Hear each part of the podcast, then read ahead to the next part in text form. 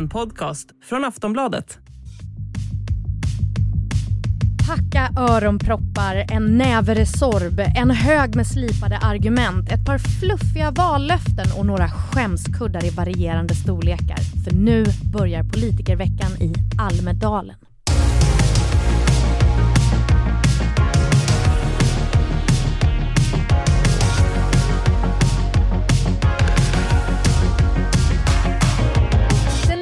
Älskade som hatade traditionen startade 1968 när Olof Palme höll ett tal där och innebär att politiker, partiledare, lobbyister, journalister, tv-programledare, radiopratare, PR-människor och allmänt kreti och pleti samlas på en mycket liten yta i Visby under en intensiv vecka för att...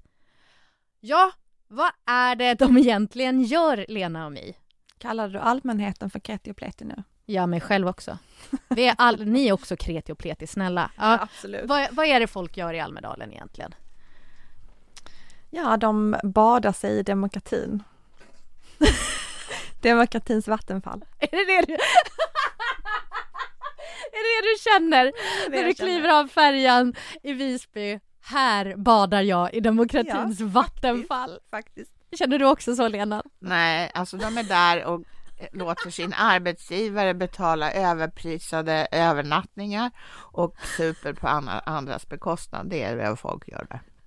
Eh, så jag kanske inte behöver fråga vad ni tycker om Almedalen, för det står ju jävligt tydligt.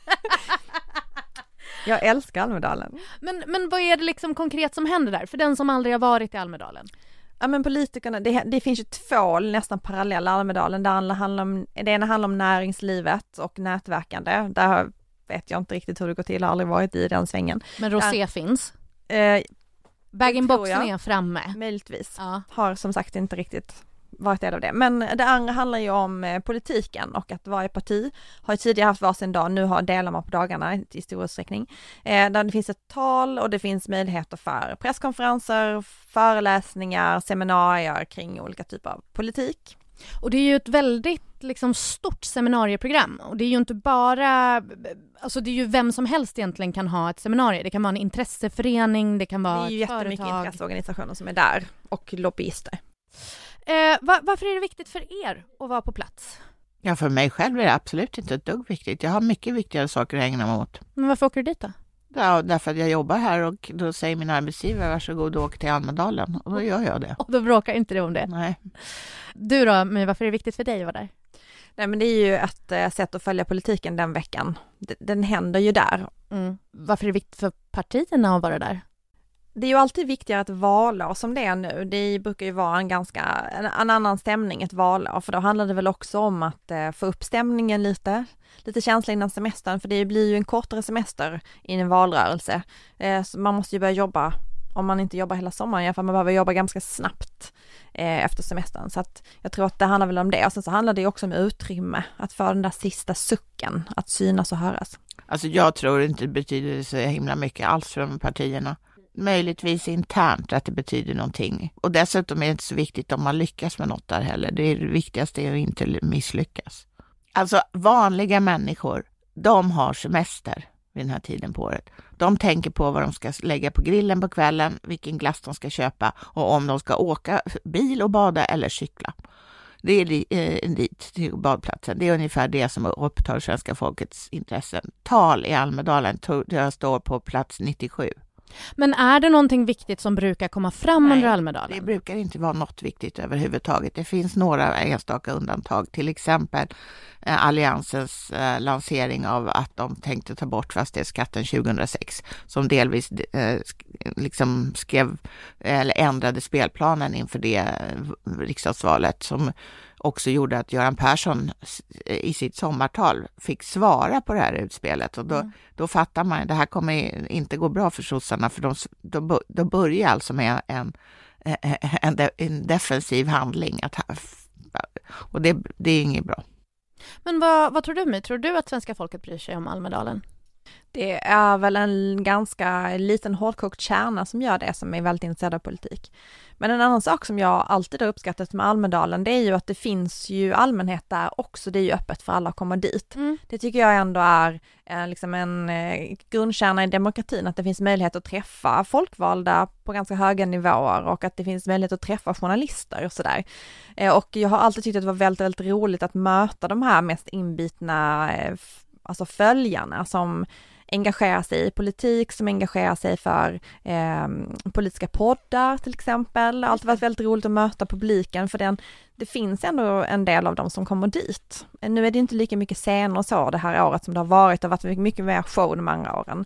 Eh, men det har jag alltid uppskattat att det finns det där, liksom närheten till ehm, publiken på ett annat sätt. Så också. om någon som lyssnar på det här är i Almedalen och, och liksom skulle råka på er i någon av gränderna, är det, är det fritt fram och liksom haffa tag och säga tjena? Absolut. Ja, det är det alltid. Men, Även utanför gränder i Almedalen. ja, men i Almedalen vet man ju i alla fall att liksom inom ett visst område så vet jag att Lena Melin finns. Om jag vill liksom komma förbi och high-fivea dig så kan jag göra det, för någonstans här är du. Ja, men alltså, vi hade under många år ett tält i Almedalen Mm. och jag kan ju säga att de flesta som kom dit var absolut inte intresserade av demokratins grunder. De var intresserade av att köpa, få en kopp kaffe och en tidning. För att sticka ut i mediebruset har vi fått se en hel del tilltag under åren som har gått i Almedalen. 2010 till exempel var ju en särskilt händelserik politikervecka. Sven-Otto Littorin avgick under stor dramatik och Gudrun Schyman brände upp 100 000 kronor framför kamerorna. Vi eldar för rättvisa löner. Vi är upprörda över att vi fortfarande har en arbetsmarknad där vi har lön efter kön. Går det att slå det året? Det, var ju, det man kan säga var ju att det var ju helt meningslösa åtgärder. De har satt ju inga som helst spår i någonting utom att Gudrun Schymans förstånd eh, kunde ifrågasättas. Men kul var det ju. Nej, det var inte ett dugg kul. Varför det? Ja, men alltså, det var ju respektlöst för människor att hålla på och elda upp pengar. Som det, jag tycker det var urdåligt. det som jag tog med mig från det Almedalsåret var väl att det var eh, en otrolig spänning kring Sverigedemokraterna, för det här var ju när man började inse så här att de kommer att komma in i riksdagen i höst och de insåg det. De hade ju inte en dag i Almedalen själva då, så att de såg ju till att få väldigt mycket plats under andra partiers dagar och de liksom var överallt och syntes överallt. Så att det skulle jag säga ändå var mitt bestående intryck av 2010, att det var eh, förändringens vindar blåste ändå i det där Almedalen. Mm. Vad, vad är ert bästa minne från Almedalen? Det bästa är när vi går ner på Kallis på söndagen för att åka hem, eller har varit då när det var en hel vecka. Och då har vi ätit en räkmacka och sen tagit oss hem på olika sätt. När det är över helt enkelt. Jajamensan, får man belöningen, en räkmacka. Jag skulle säga att mitt är nog lite av ett romantiskt minne och jag skulle säga att det är många politiska journalister som, som inte delar mitt minne, men som eh, har delat den här upplevelsen av att man kan träffa någon och liksom Det är alltså inte oliggig stämning? Det är det absolut inte, det är inte det jag pratar om, utan jag pratar mer om att eh, eh, det har ändå varit de gånger, den gången jag fick upp ögonen för min man var ändå en, en Almedals upplevelse. Wow, wow, wow, Ja. wow. Så vi kommer alltid ha Almedalen. Men Mia, även du måste ju ha ett riktigt dåligt Almedalsminne. Trots att, att jag ser ju hur det liksom eh, skjuter hjärtan och stjärnor ur dina ögon när du pratar nu. Ja men jag tycker det är väldigt roligt. Jag skulle säga att jag inte har några sådana där jätte, jättedåliga minnen. Eh, det enda skulle väl vara att eh, man kan bli ganska utarbetad. Nu är det ju, nu kommer det vara bra att det är lite kortare tid, men eh, det är ganska hårt när man jobbar, har jobbat åtta dagar, liksom typ dygnet runt. Ja. Jag är ju ingen festprisse, så att jag har väldigt få sådana minnen om det är det. Part- Partajminnen. Nej, det får man säga eh, har varit mycket, mycket bristfälligt. Det har inte flödat någon rosé i den här demokratifontänen. Lena, du, eh, jag, jag hör ju att eh, du brinner ju inte för Almedalens Nej. fortsatta existens, men vad, vad, är, vad är det absolut sämsta minnet från Almedalen? Har du liksom en konkret grej som har hänt? Nej, det var hela Almedalen 2010. Jag var chef för 30 personer. Mm. Jag skrev flera artiklar om dagen. Jag var ansvarig utgivare och vi publicerade eh, saker som gjorde att mm, Sven Otto Littorin lämnade regeringen mycket hastigt. Och folk var ju också tokiga, de kom liksom och hotade mig för att vi inte skrev exakt vad det här handlade om med Sven Otto Littorin. Mm. Alltså det var på allvar så att folk tryckte upp mig mot murarna där. Åh Jesus! Det är obehagligt. Gör inte det om ni träffar Lena i Almedalen den här gången, då får ni fan med mig göra.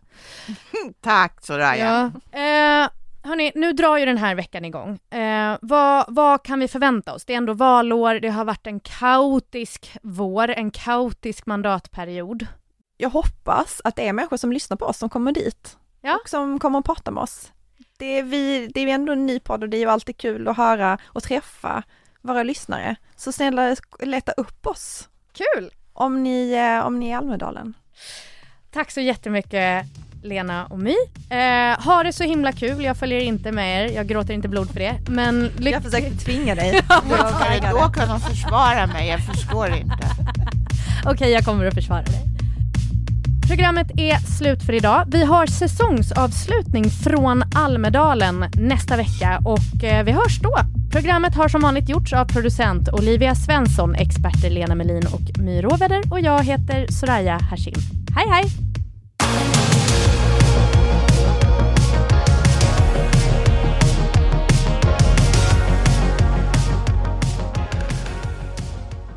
Du har lyssnat på en podcast från Aftonbladet. Ansvarig utgivare är Lena K Samuelsson.